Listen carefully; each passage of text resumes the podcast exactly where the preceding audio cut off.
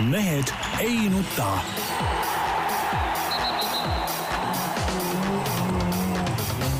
mehed ei nuta.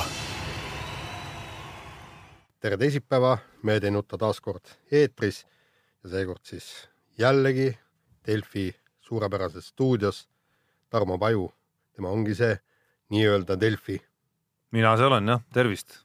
Peep Pahv, tema on Delfi ja Eesti Päevaleht kui niisugune tervist! ja Jaan Mar Martinson Delfist, Eesti Päevalehest ja igalt poolt mujalt.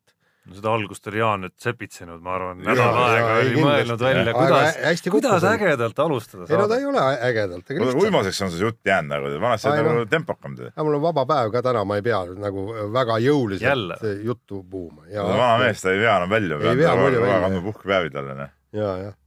nii mehed, poliitikast on teil midagi rääkida, ma ei, mul ei ole küll midagi erilist silma hakanud, küll aga ainukene, et meie härra majandusminister T- Tõniste, kui ta hakkas rääkima, et noh, et näed, väljamaal kõik meid kiidetakse ette-taha, aga omad ainult peksavad siin.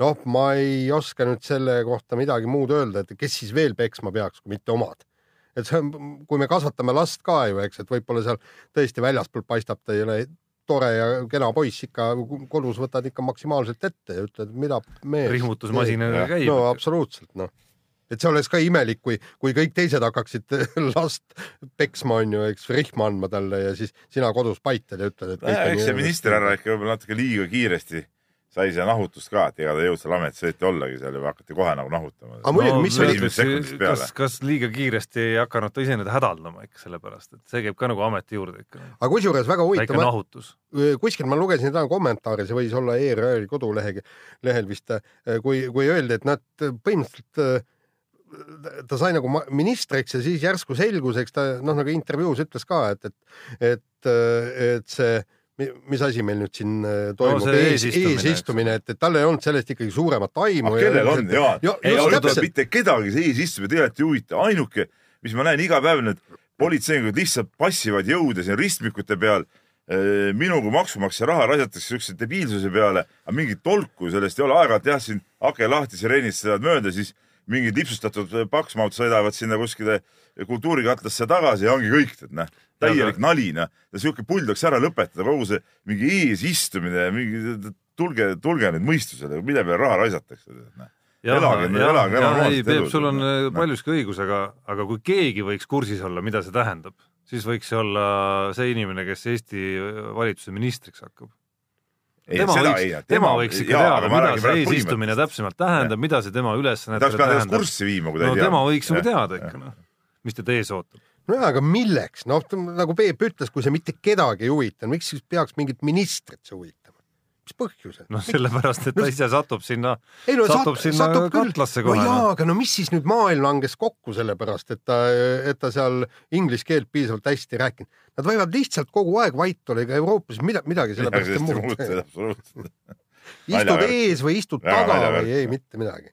Mul tegelikult oli üks äh, täiesti poliitikaväline äh, nagu tähelepanek eelmisest nädalast, kusjuures see puudutab sporti tegelikult rohkem, aga kuna meil teemade seas seda päris ei olnud, siis mõtlesin saate algul ära markeerida. panite tähele Raivo E Tamme edusamme triatloni rajal jah, märkasin. ja märkasid ka tema, okei okay,, ta oli seal viimaste seas, kuskil Valga kandis toimus olümpiatriatlon, resultaati ja ma nägin. poolteist kilomeetrit jooksu, nelikümmend ratast ja kümme jooksu, või tähendab poolteist ujumist, nelikümmend ratast ja kümme jooksu, eks ole, kuskil kolm tundi oli aeg.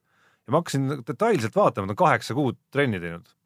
ja sellesama, ütleme see aeg, millega ma oskasin suhestuda kuidagi, oli see jooksuaeg seal lõpus, mis oli kümne kilomeetri peale mingi viiskümmend viis minutit umbes, pärast rattasõitu ja ujumist. inimeselt, kes kaheksa kuud tagasi oli nagu ebasportlikkuse nagu noh, musternäide tegelikult. ülikõva noh, no kõva küll jah. see on ikka väga kõva noh. eriti see poolteist ujumist on nagu kõige hullem, see triatlon, nelikümmend ratast, see on nagu nuusata, eks ole. noh, kümme jookseb ka ära, aga see poolteist no viiekümne viie minutiga Peep, sa ma arvan Ja võib-olla parimatel päevadel heal juhul jooksid ilma selle siiski olen jooksnud rattasõiduta. viiekümnega, jah. no aga ta, ta Ja, ja, läbis ei, enne veel kaks ala. ei, muidugi, ma lihtsalt räägin, et kogu selle trianglist kõige hullem on see ujumine. et see võtab nagu jube. et ma olin ikka täitsa nagu noh, väikse tähega pahviks löödud, ütleme nii. noh, no tore on. nii, aga lähme nüüd sporditeemade juurde, võtame alustuseks käsitlusele siis võrkpalli ja Eesti võrkpallikoondisel MM-ile asja ei ole kahjuks. kaotati nii Saksamaale, kaotati Belgiale ja, ja noh, ma, ma, ma ei tea, ma kuulasin neid äh, intervjuusid pärast mänge ja kõik, et, et öeldi, et ikka vä- väga vahva ja väga vä- vägevalt pane, paneme ja kõik muu niisugune, aga kas, kui ma seda Belgia mängu vaatasin, ma, ma saan aru, kui me saame tappa, me mängime oma parima mängu, me saame tappa, no siis tõesti midagi ei ole teha, vastane on üle. Aga esimese game'i võitsime, kui sealt edasi vaadata, eks noh, põhimõtteliselt esimene tempo pandi meil põhim- põhimõtteliselt kinni, palli me maast üles ei saanud pra, praktiliselt üldse. Rünnak oli võimas lihtsalt. No just. pall käes oli, väga võimsad rünnakud. no just, aga, aga nemad said need yeah. pallid kätte.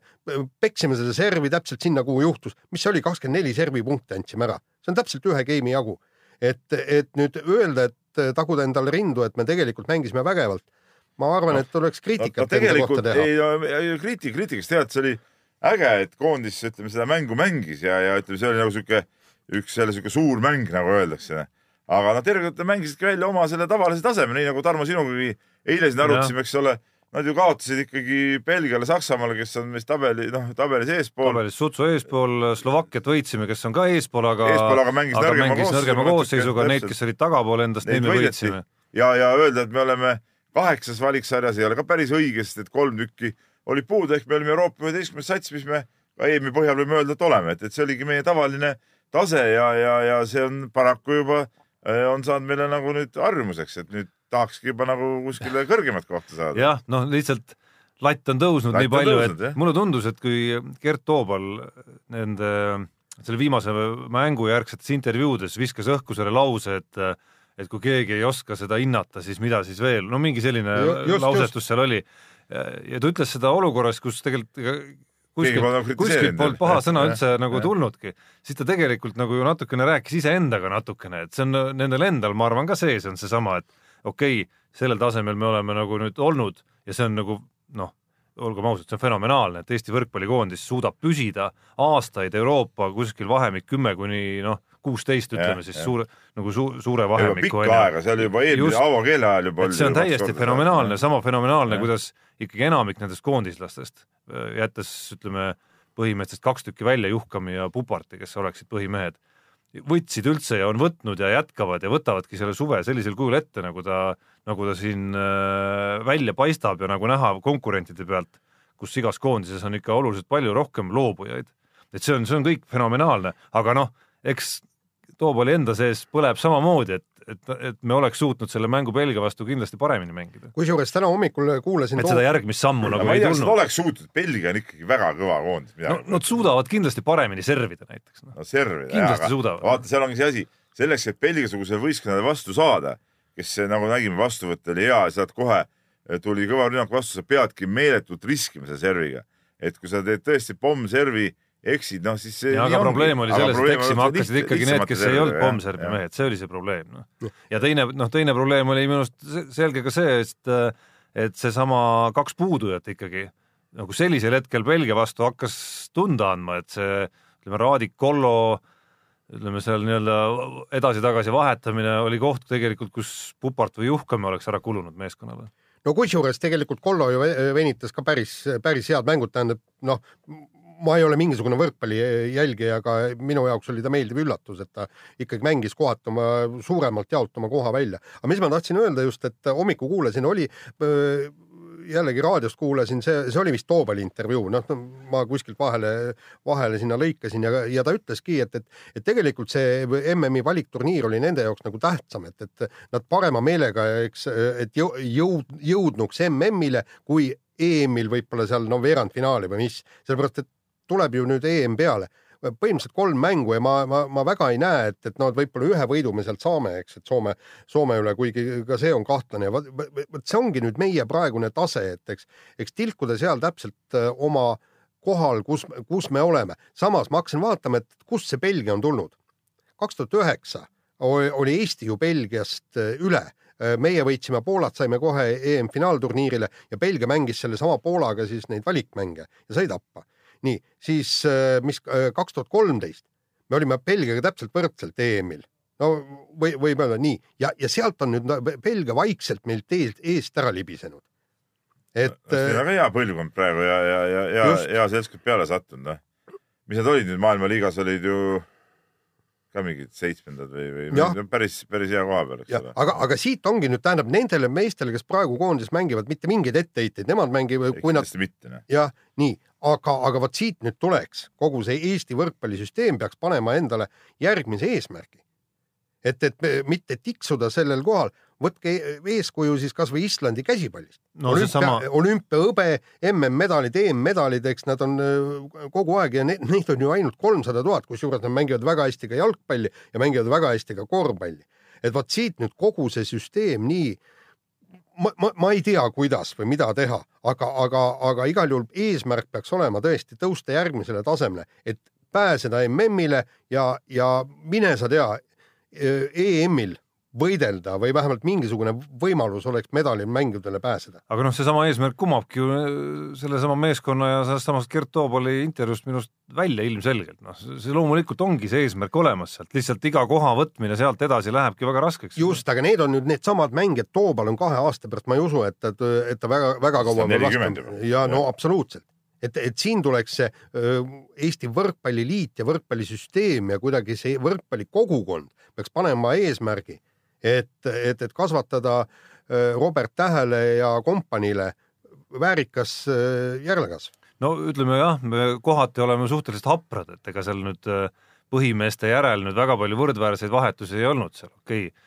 Venno Tepp on seal kuskil ja seal ütleme, võrgu ees on seal Ütleme, Aganits, ütleme- Kreek ja Tammemaa, ütleme trio on olemas. selgelt üle, Kaganits, Tammemaa, ütleme, ei olnud ikkagi päris, päris need, mis, mis oleks võinud olla. just, et noh, kaks nurka oli puudu ja kohe oli ikkagi nagu Jah. väga keeruline olukord meeskonnal, et no see on aga loomulik, ega me, see, et meil on mingi, ma ei tea, kaksteist võrdset meest võtta, no see oleks ka nagu, nagu no ebareaalne. natukene utoopia oleks see absoluutselt jah, kuigi samas mulle natukene jäi segaseks, miks sellest ja see on nüüd rohkem nagu meedia võib-olla poole pealt, miks, miks sellest räägiti kui sellisest nagu once in a lifetime võimalusest üldse, mis tekkis, et selle turniirisüsteemi juures ma tegelikult eeldaks, no ma usun, et Toobal mängib ikka no paar aastat kindlasti veel sellel tasemel. ma eeldaks, et neid võimalusi tekib veel ikkagi Eesti koondisel. noh, see võib nii olla, aga ei pruugi nii olla, et seda on nagu raske, raske ütelda. noh. muidugi praeguse taseme juures tundub, et see on nagu loogiline, et nad, et nad jätkavad samal tasemel, mängivad nüüd EM-i ära järgmise valiktsükli ka, aga, aga, aga ega see noh, see kukkumine võib tulla ka väga kiire ja, ja selge. noh. jah, aga samas võib ka see edu tulla tõesti. võib, võib ka edu tulla, aga, sest selles suhtes me ei saa öelda, et, et, et midagi meil peale ei tule, noh. kogu aeg noori kutte tuleb ju peale, lähevad välja, mängivad, et, et ega see võrkpalli sihuke üldine pilt ei ole ju, ei ole ju mingis otsas paha nagu. ja, ja ütleme niimoodi, kui me oleks ikkagi mänginud sajandi mängu, siis me oleks Belgiale ära teinud. jah, ja seda ma ei tea kahjuks kunagi, kas, kui kodus oleks saanud mängida, mis siis oleks saanud. No ütleme nii, et ikkagi natuke need eh, poliitikamehed ja võrkpalliliidu mehed, härra Hannu Pevkur, kes vist minu arust eh, ei käinudki kohal seekord, see oli vaatamas, no võiks eh, mõne unetu öö veeta küll ja südametunnistus peaks ikka, ikka olema natuke raske küll praegu. No et isegi kui, isegi kui me ei oleks võitnud seda mängu ja edasi pääsenud, oleks, oleks selline selline vägev möll püsti pandud, mitte ainult selles mängus, vaid tegelikult tervel nädalal. kogu turniir jah. Et see oleks olnud kindlasti Eesti spordi ajal üks, üks nagu vägevaid hetki siin kodus. nii, aga lähme nüüd oma saatega edasi ja kiire vahemängu juurde ja nagu selgus, Eesti kodune jalgpallihooaeg algab järgmisel aastal suisa veebruarikuus. et, et suvel vist, nagu ma saan aru, mängida eriti ei taheta MM-i ajal. No ja kõik tahavad telekat vaadata. kõik tahavad telekat vaadata ja aga aga mis, mis, mis pärast veebruaris, veebruar on meil kõige külmem kuu, hakake peale juba novembris, detsembris või detsembris, jaanuaris, mängige siis mängige talv läbi. ütleme, ütleme nii, et täielik no. lollus kuubis, täielik lollus kuubis. ja, ja aga kus, kuule, kelle jaoks seda mängu nüüd mängitakse? pealtvaatajate jaoks, eks ole, üld, noh. nagu kui suusatada ei saa meil Ei, enam no selles kliimas no,, tulebki kuule, jalgpall tuua välja. noh. käia veebruaris mingit jalgpalli vaatamas, isegi märtsis, no see on, see on nõtrus ju tegelikult. nõtrus, esiteks punkt üks, tribüüni peal passimine on lollus. teine, mängida mingi külmunud kunstmuru vaiba peal ja vigastusohud, värgid, järjekordne lollus. ja siis suvel, kui on nagu jalgpall ja jalgpall on suvine mäng, eks ole. kui staadionid ilusad, roheline muru, päike paistab, kõik ilus. aga siis me istume toas, vaatame televusserit hoopis, noh. vot see on Eesti jalgpalli tase. ja, ja, ja minu meelest nii see, ongi. See hirm, et, et publik nüüd äh, kodumänge vaatama ei tule, et, nagu et eelistab käi., ei no ma mõtlengi, et, et aa, ei, aga ei no ma saan aru, et hirm on, hirm on konkreetsest eelmisest äh, suurturniirist nagu tõestatud faktiliselt. no jaa, aga saad aru, Peebukene, kukkumine on ju meeletu. kui enne tuli mängu vaatama sada viiskümmend inimest, siis nüüd tuleb sada ja see on kolmkümmend kolm protsenti ju kukkumist no.. jah, sa kujutad ette, kui Barcelonal või, või, või äh, Manchester Unitedil kolmkümmend kolm protsenti pealtvaatajaid ära kukuks. See oleks äh, kõva Katastroof. katastroof, pankrot siis. just. ei no aga suured liigad ka maailmas ei mängi sel ajal. no me- see on suured liigad, me ei ole suur liiga, no liiga.. oleme me, oleme jalgpalli mõistes naljariik, oleme, sa oled valesti aru saanud asjast, noh. tuleb teha nii nagu suured. vaata, kui me tahaks suureks saada, siis me ei laseks ennast häirida eh, mingist sellest, et mingisugune suur turniir on käimas. me oleme nii kõvad vennad, me mängime siin ja rahvas tuleb, vaatab vahetult siin tead meie mängu, mitte ei vaata mingit, ma ei tea, Cameron ja, ja ma ei tea, mingit Tšiili mingit puterdamist. pigem on meie oma puterdamine, isegi Cameron ja Tšiili on jalgpalli moodi. nojah, aga televiisoris üks asi, alati, siin ma tahaks muidugi ütelda, alati on huvitavam ja parem vaadata mängu koha pealt. isegi kehvema tasemega mängu koha pealt vaadata on alati huvitavam kui mingite no täiesti külmaks jätvate ütleme nii-öelda tippmeeskondade mängu televiisorist vaadata. ja, ja teine no asi, nutiseadme, jää- jääks muidugi eriarvamusele, Peep.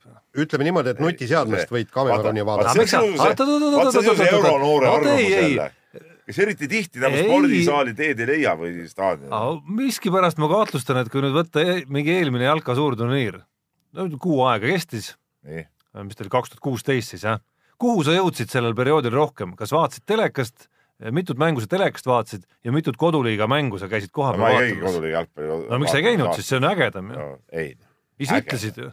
no ega ma neid mingeid suvalisi mänge ei ka no ei okei okay,, vaadanud. aga see kõik, isegi, isegi suvaline Sillamäe Kalevi ja ma ei tea, Tammeka mäng sinu väite järgi No kuule, on kõvem kui ma ei tea Itaalia ja Holland kui ma mängivad oleks- telekas. elaks Sillamäel, siis ma kindlasti läheks vaataks Sillamäe Kalevi mängu samal ajal. ei no okei okay,, ütleme siis Infonet mängib No, kui Floraga ma oleksin Infonet on mis ta Lasnamäe võistkond, eks ole, kui ma oleksin Lasnamäe elanik, vaatan Infoneti mängu. aga sul on raske kesklinnast Lasnamäele on muidugi pikk maa muidugi pärast tööd sõita. ja tema on ju vasalinna mees. mis mind see Tallinna asi üldse ei huvita. Tallinna võistkond ei ole minu võistkond. ikka mingid klauslid tulevad Ei, nagu ei juurde ikka sellele väga põhimõttekindlale avaldusele. kuule, lähme nüüd teemadega edasi. nii, on üks mees, kellel äh, purakas on sees ja selle mehe nimi on Tanel Laanmäe. Eesti meistrivõistlustel kergejõustikus jäid meil tegelikult noh, ikka suured tulemused nägemata, sealhulgas odaviskes, küll aga Tanel Laanmäe ütles, et soojendusel oli oda lennanud kaheksakümmend kaheksa meetrit. ja kusjuures kolmveerand hoo pealt muideks. ja siin on muidugi see asi, et eh, kõik me, Tarmo võib-olla staadionitel ei käi, eriti ei ole käinud, aga me Jaaniga oleme käinud kindlasti Kadrioru staadioni soojendusstaadionil. ja seal kaheksakümmend kaheksa meetrit, kui tint maha tõmmata, ma ei tea, kas see jääb ikkagi eh, staadioni aia piiridesse või, või raksatakse tõesti juba siis sinna Torupilli Selveri juurde. Selveri parklasse kuskile see oda juba, et, et, et noh, mina arvan, et see oli Tanel Laanmäe poolt natuke võib-olla enda, kuidas ma ütlen, ärgitamiseks eh, üle vindi keeratud jutt, sest noh, inimesed, kes veel seal staadioni peal ka olid seal ja seda soojendust ka jälgisid, noh, pakkusid välja, et võib-olla äkki oli kaheksakümmend meetrit see võib-olla, võib-olla midagi sealkandis, aga noh, mine tea. Ja kusu-, kusjuures tegelikult, kui Laanmäe kuju vaadata ja vaadata, ta on ikka kõvasti ju trenni teinud ja kõik, no siis tegelikult selle venna käe sees peaks ju see kaheksakümmend kaheksa viskeid vaadata, olema. mida ta võistluse ajal viskas, siis ja kui see- seegi kandus kaheksakümne meetri peale, eks ole, siis on selge, et kui, kui see oda nagu õigesti lendu lasta, võibki ta lennata ja kaheksakümmend absoluutselt kaheksa. ja Laanmäe on jumala äge vend ja, ja, ja, ja ma olen täitsa selle poolt, et kui see mõte, olgu see siis kasvõi mõte, no ega mina oma silmaga pole näinud, ega ma ei julge nüüd ümber ka lükata, see oli nii või ei olnud, vahet pole. isegi kui oleks saanud mõte, et ta, tema enda jaoks see, et ta viskas kaheksakümmend kaheksa, aitab näiteks eh, MM-il eh, visata korraliku tulemuse või jõuda MM-i ajaks nagu heasse konditsiooni, siis viis pluss, midagi pole ütelda. kasvõi üheksakümmend viis ütle. absoluutselt, noh, mingit küsimust. aga temas on, Tanel Laanmäe üks sihuke sportlane, kelle poolt mina alati olen, sest et ta on nagu sihuke, sihuke omapärane vend, raske tüüp nagu natuke. nii, aga mm, sugugi raske tüüp ei olnud, vastupidi, hästi kerge jalaga oli kõigest kaheteistaastane. vot meil siin nüüd, kes see kokku pani, Aleksandra Lagoda, tegelikult tal oli ka eesnime oli nagu pikem tegelikult, mis mul praegu meelde ei tule täpselt.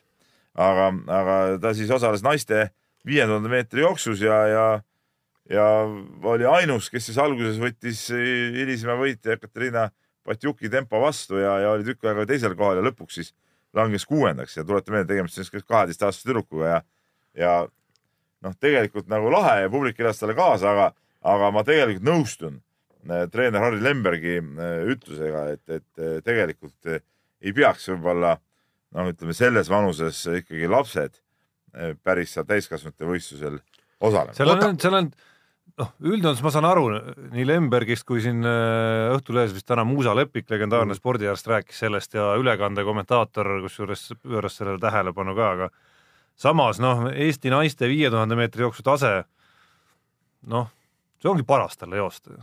No see on nagu kahe tal otsaga tal asi ei ole omaealistega mõtet joosta. ei no see päris nii ei ole, noh, ma vaatasin natuke ka seda tausta. rumalus, vabandust korra, rumalus oli pigem see, et treener ei teinud talle võib-olla selgeks, et mõistlik oleks mitte Patjukiga kaasa minna jooksma, vaid selles ülejäänud seltskonnas. ma natuke vaatasin mis ta teinud on, et ta on muidugi siin rahvajooksudes olnud äh, ka kõrgetel kohtadel siin Narvas mingi energiajooksu vist võitnud ja, ja teinud ja mulle tundus, et ta on isegi jalgpalli mänginud. et, et ta on väga mitmekülgne sihuke sportlane, aga aga äh, siin on üks asi, et äh, ikkagi see naistevõistluste kõik need tempod ja asjad, et äh, ja see ei ole nüüd mingi rahvajooks, et see on ikka staadionijooks. noh, see võib olla nii, et, et ta võib ennast liiga lihtsalt teha, seesama see Patjukile äh, järgi minek, noh, see võis, oleks võinud lõppeda talle iseenesest nagu väga halvasti, noh, ta on ikkagi alles laps noh, ja see organism ei pruugi seda, seda välja kannatada. muide, ega asjata ei ole ju eh, paljudel aladel eh, see vanusepiirang. ja ka kergejõustikus ka on nad ju. Ja ongi. ei ta pääseski Kergejõustike Liidu vea tõttu sinna. nii, mul on see siin nüüd järgmised küsimused. punkt üks, miks selle asemel, et, et hakata teda maha tegema, hakata uurima, kui palju tal on, ta on trenni teinud, kuidas tema füsioloogia kannatab seda jooksu välja ja kui, kui vaadata, siis treener ütles, ta ootas tegelikult minutit kiiremat jooksu ja hõbemedalit. nii, see, see on nüüd esimene punkt. teine punkt, kui ta on tõesti nii säärane talent, siis kus kohas tal seda jo joosta on? ma, ma muide tä- täna vaatasin, viis tuhat meetrit on kavas ainult U kakskümmend kolm vanuseklassis. tema vanuseklassis, U neliteist vanuseklassis on kõige pikem distants kaheksasada meetrit. Aga kui inimene on pikamaa-jooksja, ta ei ole keskmaa-jooksja, kus kohas ta peaks võitlema? kaheteist-aastase kohta öelda, et ta on nüüd pikama jooksja, ei ole ka päris nagu õige. ja kohe järgmine, järgmine asi. Kristiina Smigun oli kolmteist, kui võistles esimest korda Eesti meistrivõistlustel kümne kilomeetri distantsil, sai hõbemedali. viisteist oli ta juba MM-il. ta, et äh, ei olnud mingisugust probleemi, ta, ta, ta ei surnud ära ega mitte midagi. et, et võib-olla ta ongi samasugune talent, nagu on Kristiina Smigun. et ta, ta võib-olla vajakski sellist erandit no.. ei, selles suhtes ma olen Jaanson ongi muidugi nõus et kindlasti peaks kergejõustikuliit nüüd nagu äh, mõtlema, mida selle tüdrukuga teha või mis, mis need variandid üldse on, kuidas ta treenib, mida ta teeb. selles suhtes ma olen täitsa nõus sinuga. ja, Jah. ja, ja aga, aga, aga ma ütlen seda, niisugust starti lu- lubamist eh, peab väga-väga hoolikalt kaaluma ja pigem, pigem ma nagu ei pooldaks muidugi, et kaheteistaastase seal käia. jah, aga, aga mis siis, mis siis nüüd on, et ühesõnaga ta peaks nüüd kuni kahekümne kolmanda eluea ei, miks aastani,, ei no vaata, nüüd sa lähed nagu võrdled jälle, ma ei tea, noh, siin ei saa. ei ta oma vanuses ei aga... ole üle kaheksasaja meetri distantsi tal. mis ta, ta nüüd peab tegema? ta saabki oma pikama jooksu ihaluse eh, nendes rahvajooksudes aga miks, kui ta tahab Eesti meistrivõistlustel medaleid kusjuures võita? vei- see ongi veidrus, miks ta see, miks seal on nagu talutavam tema osalemine võrreldes sellega? Samad osalejad, tegelikult vastased on samad ju. ei no ei ole. Lihtsalt mehed on ka veel seltsis. rahvajooksudes on ikkagi no see tempo ja see ei ole nagu nii, nii raju No no, no ma olen kindel, et No need va-, kellega ta Mai- konkureeris seal medalite peale, kes on ka enamikel rahvavõistlustel ilmselt kohal siiski, ega nad teevad ju tempot enam-vähem samamoodi ikkagi noh, oma, oma tempos, selles kindlas tempos, millega nad kulgesid seal, mis no maailma no tipumeestest ei ole mingi tempo. võib-olla nende, kes seal hõbeda pronksi, nende tempo olekski okei olnud, selle tüdruku jaoks ka. Aga see, kuidas selle Vatjukiga oleks võib-olla veel mõni kiiremad oleks sellega püüdnud kaasa minna, vot need on ohtlikud asjad, ma arvan. noh, ma ütlen, ainus probleem minu arust oli see, et talle ei olnud tehtud selgeks, noh, pikama jooksus on ju üsna täpselt võimalik planeerida oma jooksu, et Patjukiga võib-olla ei ole mõtet ennast kinni joosta ikkagi. ja, ja minu meelest Kergejõustikuliit, tehku korralik uurimustöö, vaadaku, milline see tüdruku tase on, kuidas on tema treenitus, kuidas on tema füsioloogia, tehku testid ära, seesama Muusa Lepik, vaadaku ära. võib-olla selgub, et täiesti normaalne, et ta jookseb viite, viite tuhandet. Võib-olla on täiesti normaalne, me seda ei tea, aga kohe lahmima hakata, see, see ka ei ole õige. sinu enda kord, Jaan. aa, ohoo, Andrus äh, Ansip, kes teatas, et äh, sporti toetavad vaid äh, totalitaarsed riigid, kui ta keeldus võrkpallikoondisele aastaid tagasi äh, ettevalmistusraha andma, andmast riigi poolt, läks ikkagi Eesti võrkpallikoondist toetama ja kusjuures toetas vägevalt, kahe näpu vilega toetas. no jaa, aga see ongi vaata, vaata raha ei anta, raha ei pea andma, aga emotsionaalne toetus see on normaalne, selles suhtes Ansipil käitus oma sõnade järgi, noh, sporti tehakse selleks, inimesed seda vaataksid. Ansip oli seal täiesti tavalise inimesena, lasi vilet, võib-olla tegi väikse õllegi. Miks ka mitte, noh. no jaa, aga samas, samas samas nüüd tekib küsimus, õnneks muidugi meie, meie järgmised valitsused ei ole väga jäigalt siin kinni olnud, et eh, nii võrkpall kui ka korvpall, kui nad on finaalturniirile pääsenud, on saanud toetusi. aga nüüd mõ- mõtle, et, et kui, kui tõesti Ansipi sõnade järgi, et riik ei oleks toetanud võrkpalli, kas, kas ta oleks siis mänginud praegu koha eest MM-il? ei oleks ju. et, et see jutt, et, et ei toetata, see on täielik seda muidugi, aga tema jäi oma toetuses oma sõnadele kindlaks. Aga ta toetas, ta ütleb, järelikult ta on totalitaarriigi inimene, toetas vilega ei, aga ta riigi, ta ei olnud riigi esindajana seal. ta oli Euroopa Liidu esindajana, ah,. no vot, ta oli nagu Nõukogude Liidu esindaja, mõistad? sest Euroopa Liit, see võrdub Nõukogude Liit, nagu me Jaan teame seda väga hästi. aga kiire vahemängu lõpetuseks äh, küsime lihtsalt, tahaks tegelikult küsida ka kasutades mingeid ebatsensuurseid väljendeid, aga jätan ütlemata, on see tõesti võimalik, et kahesaja kahekümne kahe miljoni euro eest on Pariis Saint-Germain ostmas endale Neimari nagu raha on. kakssada kakskümmend kaks. ei nagu raha on, aga mis on siis, aga mis on siis? kui hind on selline. Ei, selge, ega ma saan aru. vaata, kui on hind, me kui on, siin, kui on, ütleme, ütleme, on, on mingid, minu arust, kas eh, Pariis Saint-Germain ei kuulu ka mingite naftašeikidele. Ei, selge see, noh. nii, raha on, vedeleb siin nurgas nagu paar kohvrit, on sul mingi kakssada kakskümmend miljonit, noh. Ei, selge, see on sama- see on sama- selline, siis mõtled, et noh, võta selle mehe siis, noh. kuule, ma see on sama, käisin, mis mängib, las jookseb ei, see on sama, mis ma sattusin, vaata, kui sa vaatad Facebookis mõnda videot vaatad, Jah. siis Facebook soovitab sulle ise ja hakkab so- soovitama uusi videosid otsa, noh, kuidagi, mis on seotud sellega või vastavalt sinu ajaloole, mis sa oled vaadanud. ja siis kuidagi viskas mulle alles eile ette mingi video, kus mängiti pokkerit äh, nagu päris rahaga, ütleme siis nii, ja siis mingid Aasia kaks rikkurit mängisid seal, pott oli miljon dollarit umbes oli laual korraga. ja siis panid seal in'e mehed. No see on sama värk umbes, noh. ja, ja kusjuures ei, alati võib küsida absurdseid hindasid. vaata, me just rääkisime eile siin tööalaselt ka, et oli see talude päev, sa käisid ka vist seal Raasiku õlletehase ja no ma, ma käisin mujal ka, kui ainult see õlletehas. ei no mina käisin seal, eks ole, no perega käisime, kõik oli tore ja siis välja tulles noh, ikka seal võtad, et istud ja äh, võtad seal, kuna ma olin autos, ma olin kalli, eks väga suurepärane kalli. Väga hea kalli. nii, ostsin, ostsin, ostsin, soovitus ostsin kuuese ploki liitriste pudelitega endale koju ka, kõik oli hästi ja siis noh, väike laps oli ka, ma ütlesin, et võtame siis need tuutu sees olid need kartulid, et noh, no ma ei tea, mis seal võis olla, no mingi paar viilukest. maksid vist, ma ei tea, kas kolm, kolm eurot. poest saaks mingi kolm kilo kartuleid umbes. vot see on ta, et noh, kui on, hind on selline ja kui on inimesed, kes tahavad siukse hinna eest midagi osta, siis, siis see ongi võimalik, noh, no just, kõik on võimalik. elu on selline. jah,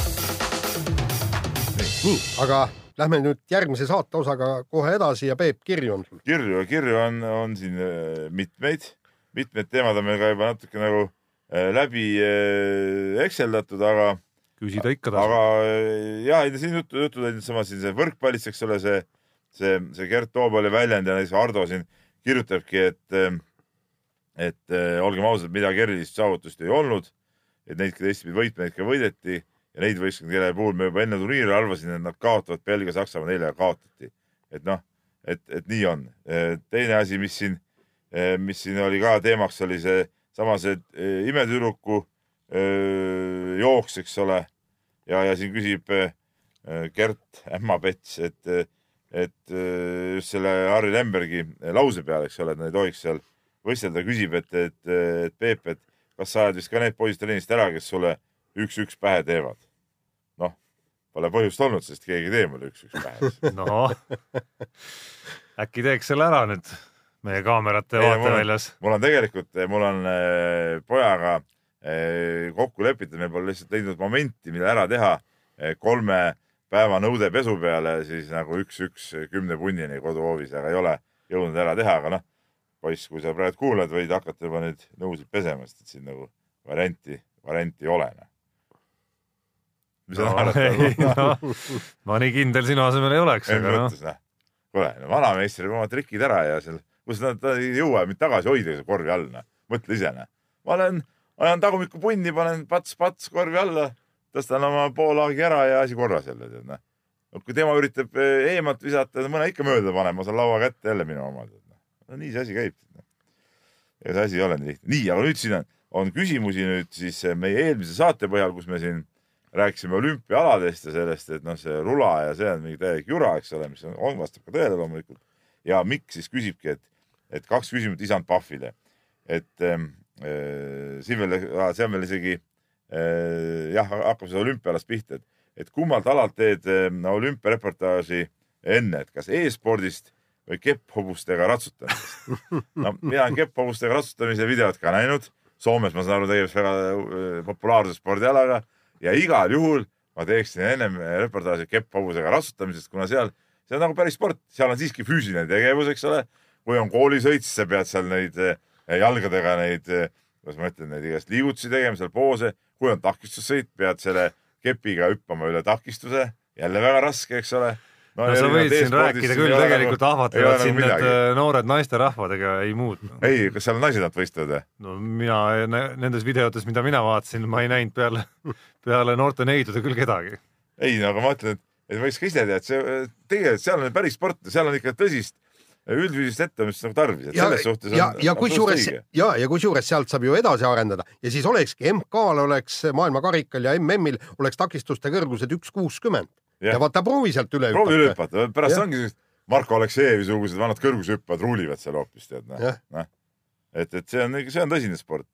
nii, ja siis jutt oli ka sellest, ma rääkisin, et tennisemäng on natuke igav ja, ja, ja, ja pikk, no mitte, mitte selles suhtes, mitte igav ei ole, aga just sellepärast ta on nagu liiga, liiga pikk, et võiks lühendada. ja siis eh, tuleb sama, sama Mikk küsib, et, et kui tennisemäng on igav pikk, siis mille, millal vaatasid viimati algusest lõpuni viiekümne kilomeetri käimist ja kumb oli põnevam kilomeeter, kas teine või kuues? ma ütlen nii, et viiekümne kilomeetri käimine on väga põnev spordiala, mulle väga meeldib, see on, see on kergejõustikuprogrammis üks eh, rängemaid alasid. ütleme, olen eh, neid seal finišis nii olümpiatel kui MM-idel ja EM-idel vaadanud, ütleme seal ikkagi üle ühe mehe kukuvad täitsa kokku, see on, see on meeletu pingutus, selles suhtes eh, ma ütlen, et eh, see on väga huvitav, aga no seda algusest lõpuni muidugi keegi vaadata ka ei jaksa, see on ka selge. ei no ega, ega Tour de France ülekandet ka ei näidata ju stardist finišini, vaid, vaid näidatakse Äh, kas mitte sel aastal juba vist peaaegu näidatakse, aga Prantsusmaal ja Itaalias ja kuskil näidati juba algusest peale, no mina vaatasin küll, siin hakkasin vaatama tavaliselt, vaatasin palju kilomeetreid jäänud on. Või kui oli teada, et mingid tõusud tulevad, hakkan siis vaatama, et noh, et nii ongi, et ega neid siukseid alasid ei, ei saagi, ei saagi niimoodi vaadata, aga üks küsimus on siin veel huvitav em, küsimus. Ja, ja ta on, kirjutab siin eh, kuulaja T ja, ja, ja ütleb, et ta meie pikaajaline kuulaja ja küsib meie arvamust siis sellise sulgudes spordiürituse kohta, nagu on siis see McGregori ja Mayweatheri poksimatš. et mis on teie arvamus selle kohta, kas selline üritus on hea või halb poksile, spordile? Ja, ja, ja, ja mis no minu arust see on täielik totrus, tähendab, ütleb see matš ise on tore, aga see, mis siin praegult käib, see mingisugune, mingisugune tuur, mis nad seal teevad ja siis käivad seal lava peal taidlevad. no mingid solvangud on välja no, mõeldud no. no see on ju, see on, see on ju debiilsus, see on sama kui, kui ütleme, ma, ma olen praegu Tarmoga lähme, teeme mingi tuuri ja käime lava peal lihtsalt sõimame üksteist, pärast saame ühe autoga veel koju ka veel eh, õhtul, et noh, no see on ju jama, no see on näha, et see on, see on ju näitemäng ja, ja sihuke asi saab vaimustada ainult mingeid totakaid ameeriklasi, vaata nendel on see maadlus ka, kus nad seal enda arust maadlevad ja see profimaadlus ja teevad neid asju, mis on tegelikult ka ju show. no see saabki ainult, ainult ütleme ameeriklastele meeldida, see normaalsed inimesed ei, ei, ei paku mitte midagi. Peep, kuule, see see on tsirkus. ma räägin tsirkus. no jaa, aga tsirkust võib ju teinekord vaadata. ärme tsirkust ja sporti segamini aja. no just ja, ja, ja tegelikult, kui ma ütlen selle matši kohta, siis ma Ei, arvan, et on ei ei, ma arvan, et see matšist kujuneb ka tsirkus. ei, ma arvan ka, sest et kui see matš oleks tõsine, siis ei tohiks McGregoril olla ju nagu noh, no ütleme üle paari minuti ei tohiks seal nagu üldse vastupidamist nagu olla isegi No üks on ikkagi nagu üks on kõigi aegade paremaid poksijaid, keda üldse maailmas on no aga nähtud see poks vist ja ei väga ei ole ründa, nagu ma olen aru ja saanud. teine ei ole poksija. ei no aga see, see poksija on ju siuke poksija, kes, kes seisab ainult ju kaitses ja kes on ainult ühe, ühe matši elus nokaudiga võitnud ju. ei, nii see kindlasti ei ole. ma ütlen, ei, ma, ma ei oska mingi video oli ju, kus ta, et tema nagu. ei, ei ta on selles mõttes jah, ta ei ole selline nagu pealetungija no., aga ütleme, kui vaadata tema boksi videosid äh, nooruspõlves, siis seal on ikka päris vägevaid matše ka siiski. et ei, ei no see, see ei pea kindlasti paika, et üks knock-out, et ma no vaatan selle ei, võib-olla, võib-olla see rohkem, aga, aga mina nagu aru saan, et tema on nagu siuke mees, kes nagu nelikümmend üheksa. võitu, mitte ühtegi kaotust, kakskümmend kuus knock-out'i aa, kakskümmend kuus, no okei. et see, et no tegelikult on ebareaalne, et sellest tu- tuleks nagu sportlikus mõttes, kui mõlemad tõsiselt asja kallal on mingisugune tõsine asi, aga no ma ei tea, võib-olla, võib-olla me saame valesti aru kõigest. kuule, niisuguse tsirkuse pealt teenida sadu miljoneid dollareid. ei no matš, matš, matš on nagu äge, las teevad, aga see, see ringreis, see on nagu, on nagu, on nagu tobe. nii. Nii, sa jätsid muidugi parima kirja minu arust üldse mis oli parim mainimata. kiri? see, see, mille kirjutas meile Facebooki äh, meie kauaaegne kuulaja Mihkel Plaas. aa, no see on nagu küsimus ju. no ta oli ikka lihtsalt tore lugu, kus ei no see tore lugu, ma ei tea, kus- no võtame kus- siis, me oleme Jaan nüüd välja, las ta loeb seda. Ei, ei, ma ei loe seda üleni ette, aga jutt- jutt ja oli- mulle ka meeldis see kiri. jutt oli siis sellest, sellest, kuidas on, on kahe maailmasõja vaheline aeg ja, ja mõeldakse uutele aladele, mida, mis võiks tulla ja siis on keegi tulnud välja mõttega, et korvpall, üks selline uus huvitav spordiala võiks olümpiakaua võtta. ja siis on Peep seal žüriis, kes otsustab ja ütleb, et ja tõdeb, et mis imelik asi see on, noorus on ikka hukas, tegelevad mingi tiluliluga seal ja loomulikult korvpall ei, ei vaata seal, vaata sõber Mihkel. täpselt, täpselt nii nagu sa praegu tahad ei öelda kõigele uuele. ei, Tarmo, ei, vaata, Mihkel, kes üldjuhul kirjutab tihtipeale Facebookis väga õigeid asju seal ka korvpalligrupis ma vaatan ja, ja kõik on nagu õige. nüüd ta on jälle asjast, asjast valesti aru saanud, sest et ega, ma teen ju selget vahet, ütleme, mis on nagu tilulilu ala ja mis on nagu päris sport, ütleme. see on ikka, see on nagu näha, ma näen ära nii toodi, see on võistkonnamäng, esiteks võistkonnamäng on alati prioriteet. Sa minu pärast võiks olla ka, ma ütlen ka see Ameerika eh, jalgpall, ja pesapall ja kõik. pesapallid, kõik seal, kasvõi see hobustega see polo. aga an- anname minna, see on nagu ikka tõsine mäng, eks ole, tead noh. saalihoki, miks ei ole olümpiaala, arusaamatu täiesti minu jaoks. jääpall, arusaamatu, miks ei ole. aga ärme tule nende rulade ja, ja kuradi, ma ei tea, mis asjadega sinna, sinna hüppama, tead. ja, ja niimoodi, et vaat seal ei ole kellelgi, keegi ei mängi ju ei ole- kossu, nii et püksi ole,, püksi tagumik see- mis need püksid sind segavad, muidugi segavad, ebasportlik riietus. seal ei ole osavust vaja, füüsilist võimekust, midagi vaja ei ole või lihtsalt lähed ja sa ise läheks ka praegu, teeks kõik need trikid ära rahulikult. trikid. trenni pole vaja teha üldse. vaata Jaan siin mainis ennem ka. ei no viskame siis kõik alad välja, kus on mingi hindamine iluvõimlemised ja kõik asjad, riistvõimlemise viskame paneme siis välja selle lae all eh, kõikumise ka olümpiaalaks, vot see on ka kõva värk. hüppavad, seal teevad saltod ära, püüavad jälle kinni üksteist. aga miks riistvõimlemine võib olla olümpial? see on klassika. no ikka jõuame sinna ei, samma aga. see on see, Ei, üks no asi klassika ja see on ikka on- jõuala. kas sa, kas sa nüüd võrdled riistvõimlemist rulasõiduga või?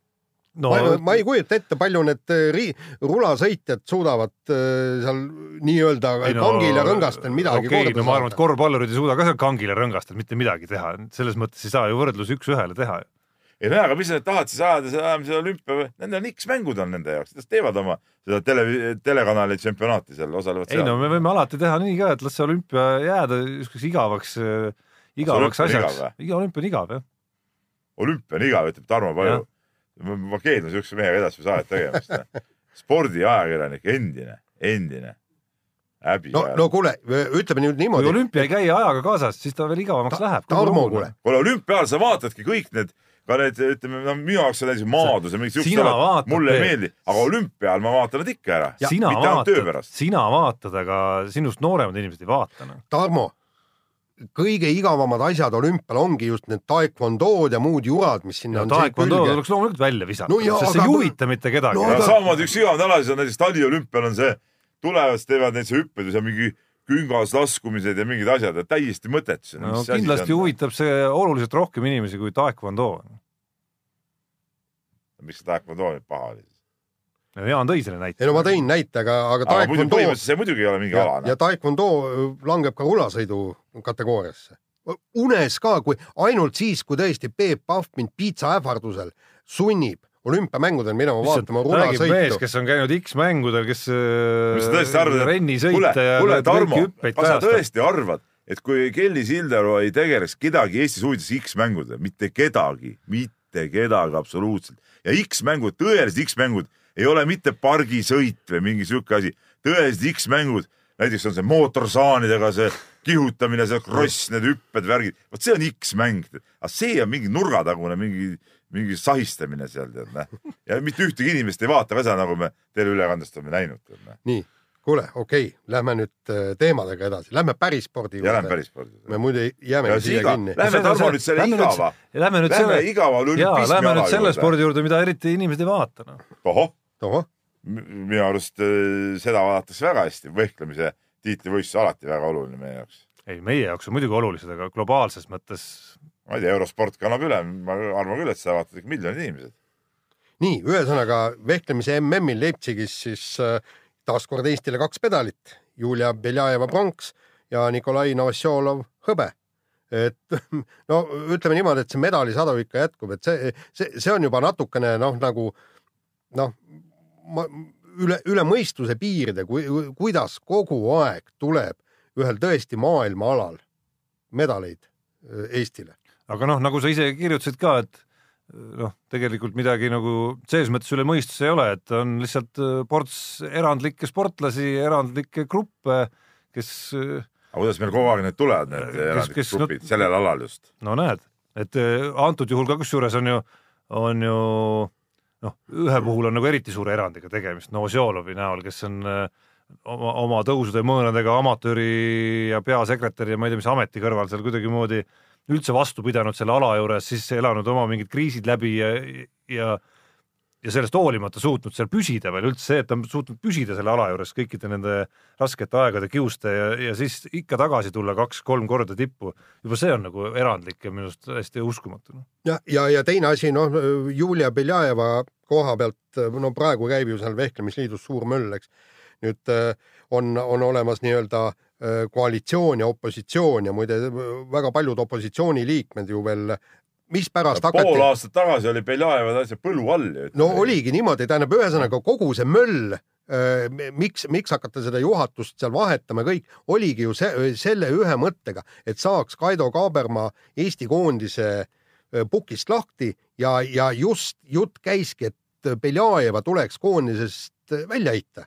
ja, ja, ja see kogu see möll ju põhimõtteliselt sellepärast käibki. Beljajeva tänapäeval siis EM-i pronks ja MM-i pronks. noh. jah, ja, ja kusjuures maailma teine vehkleja, nippa-nappa esikohast puudu ja kusjuures ta on nüüd viimasest äh, viiest turniirist äh, ühe võitnud ja, ja kolm korda olnud äh, kolmas, kui MK-etapid ka siia juurde pookida.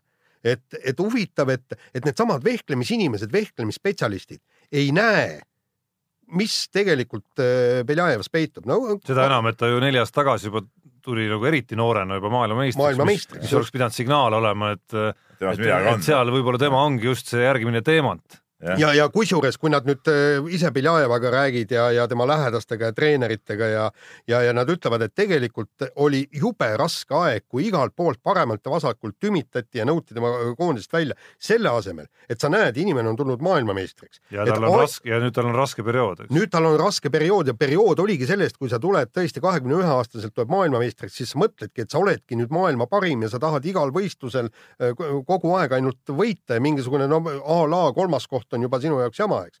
et, et üheskoos aidata ta sellest, sellest probleemidest üle, kusjuures tema oli ju üks suurimaid kangelasi, kes üldse Eesti naiskonna olümpiale vedas, kui Barcelona etapp ära võideti.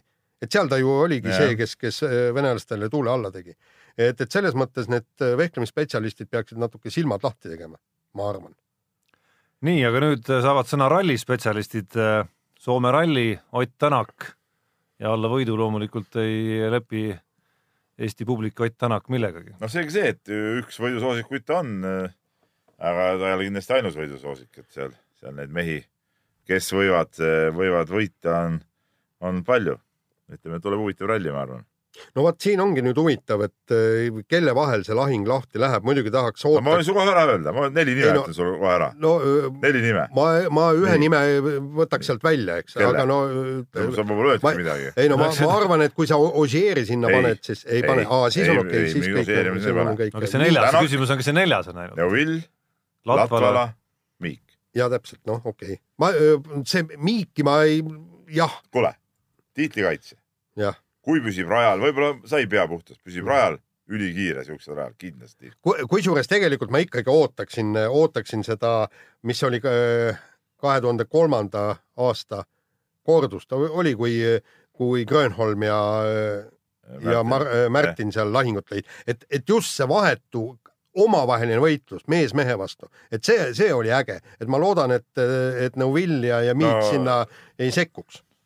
ma loodan, no mis, mis sul saab olla mis saab olla veel parem kui kahe mehe vaheline äh, nii-öelda mõõduvõtt No see, kui neli meest oli see, kui neli meest ju sekundisse panevad absoluutselt. No, et selles suhtes neid mõõduvõtte me oleme siin saanud küll ja algul oli kolm meest, üks kukkus ära, jäi kaks no mida rohkem, seda uhkem. ja, ja, ja ütleme, need neli peaks olema ikkagi selgelt soosikud, ülejäänud on seal, ütleme ka, ega seal võimalikke üllatajaid on ka, aga ütleme, ma arvan, et need neli peaks olema ikka kõige kiiremad.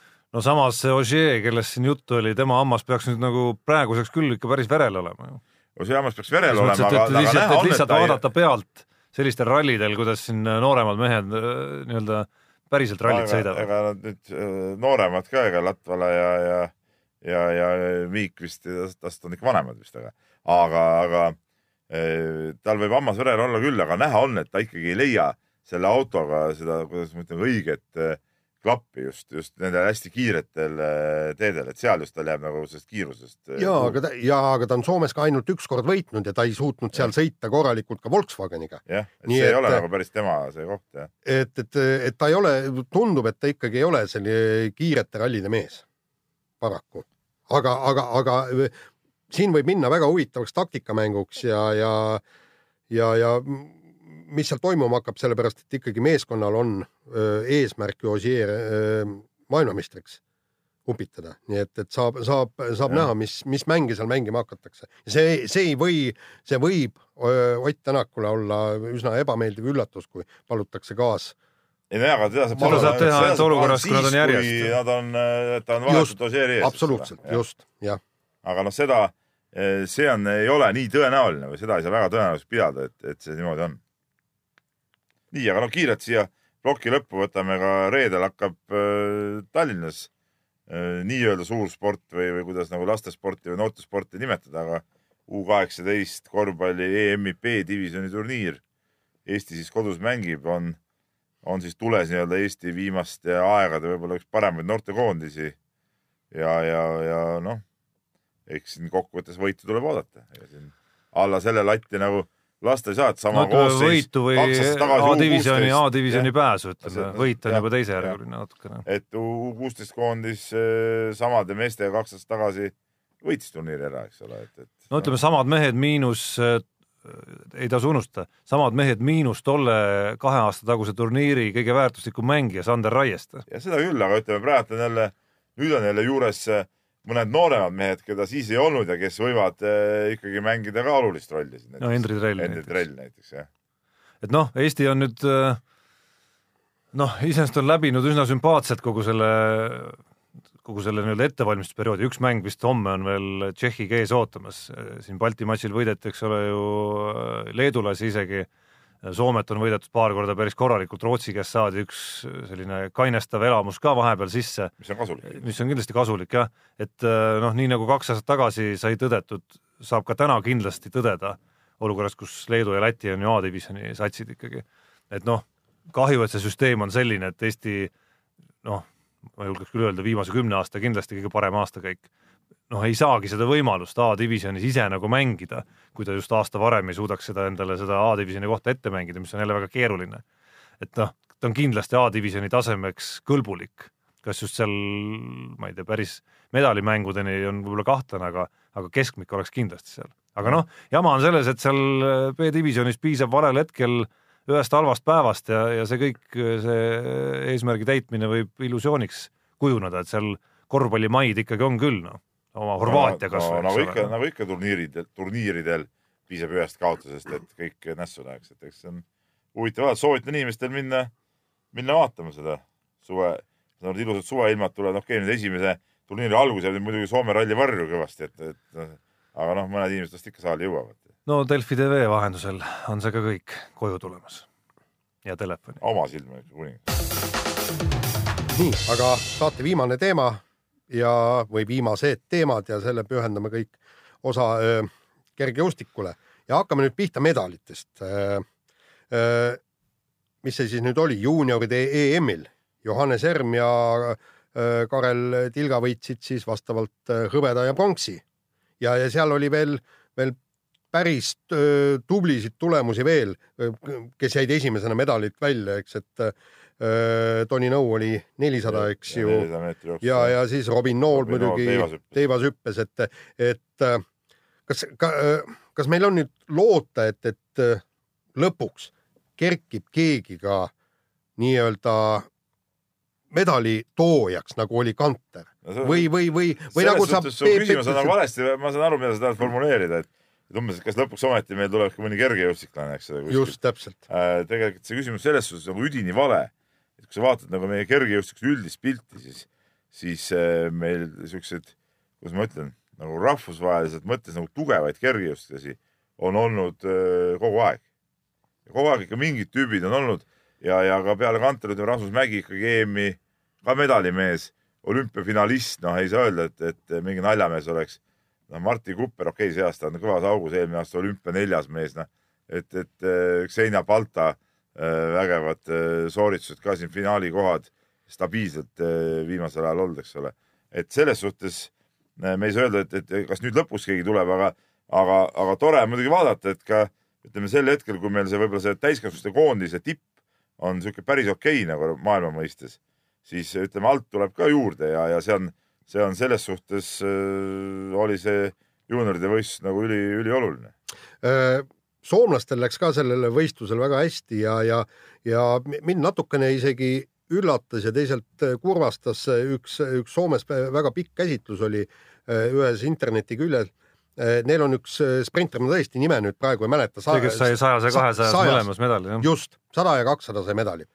ja, ja mis nüüd Soome olümpiakomitee teatas?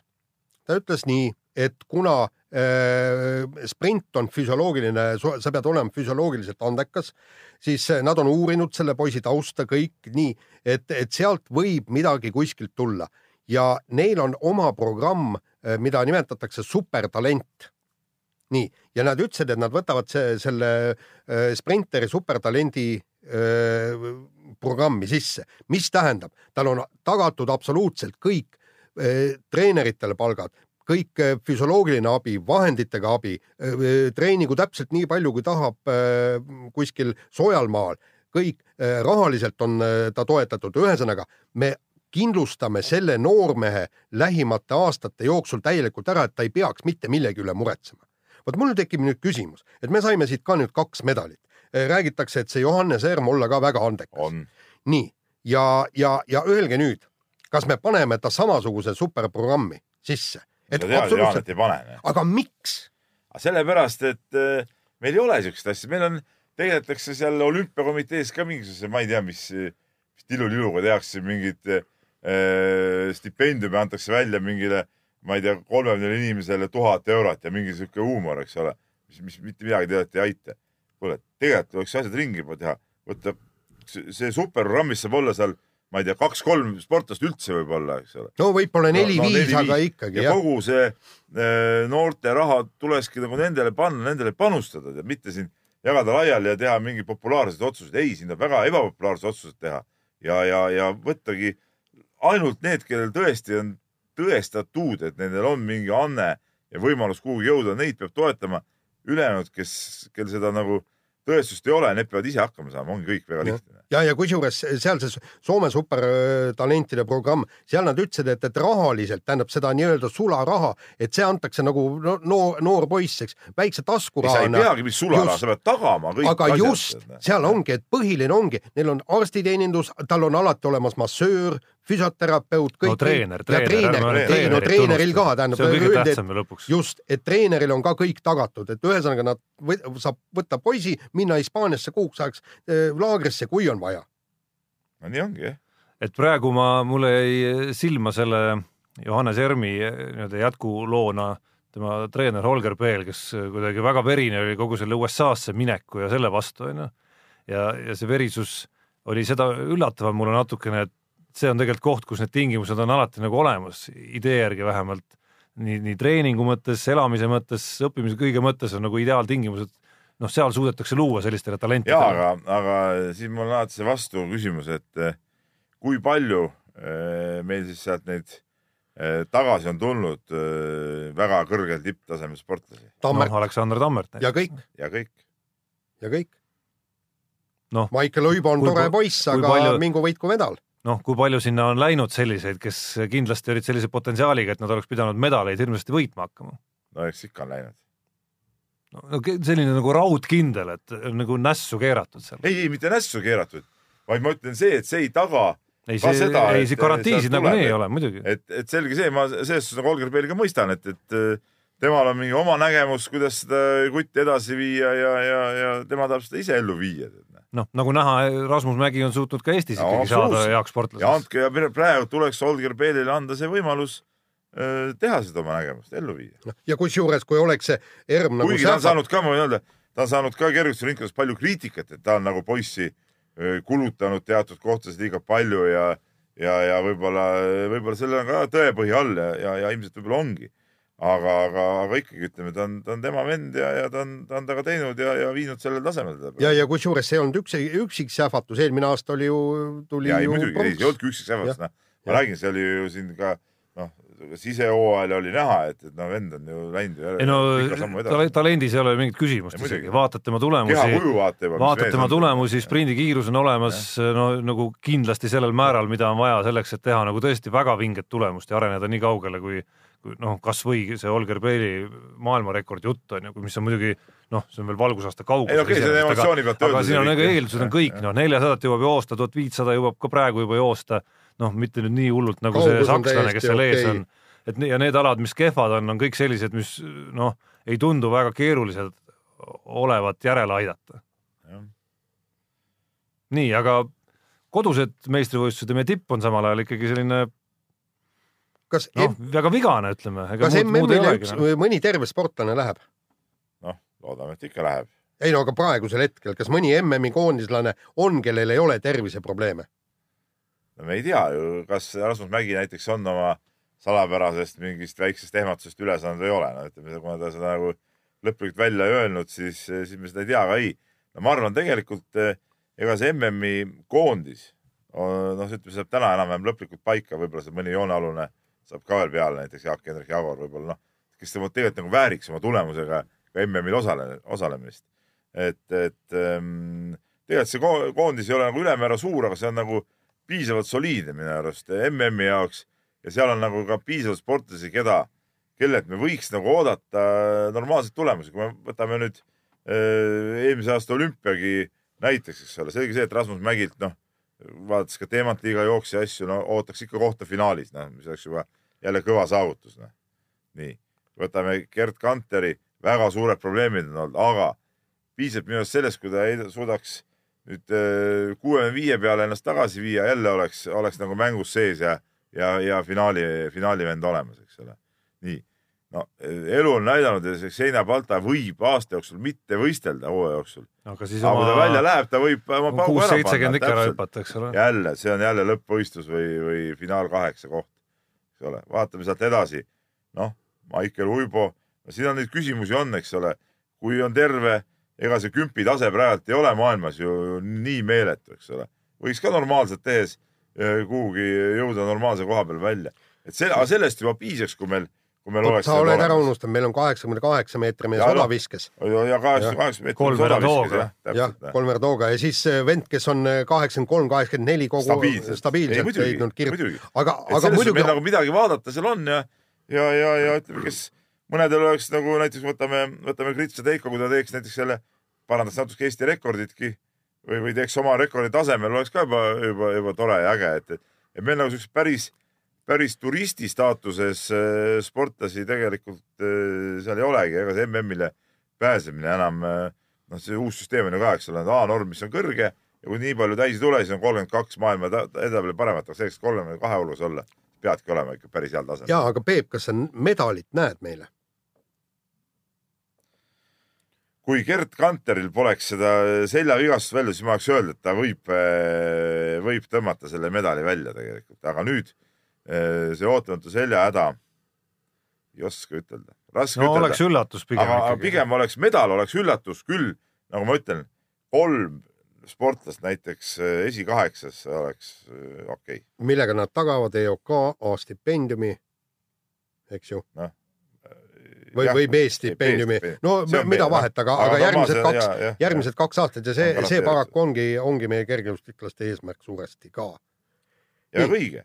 jah, ei absoluutselt nii, aga sellega on saade läbi, nagu ma vaatan, et uus rekord tunni- jälle. uus rekord pealt tunni, aga, aga ma ei tea, meil oli huvitav või loodetavasti oli teil ka huvitav ja kuulake meid täpselt nädala pärast. mehed ei nuta.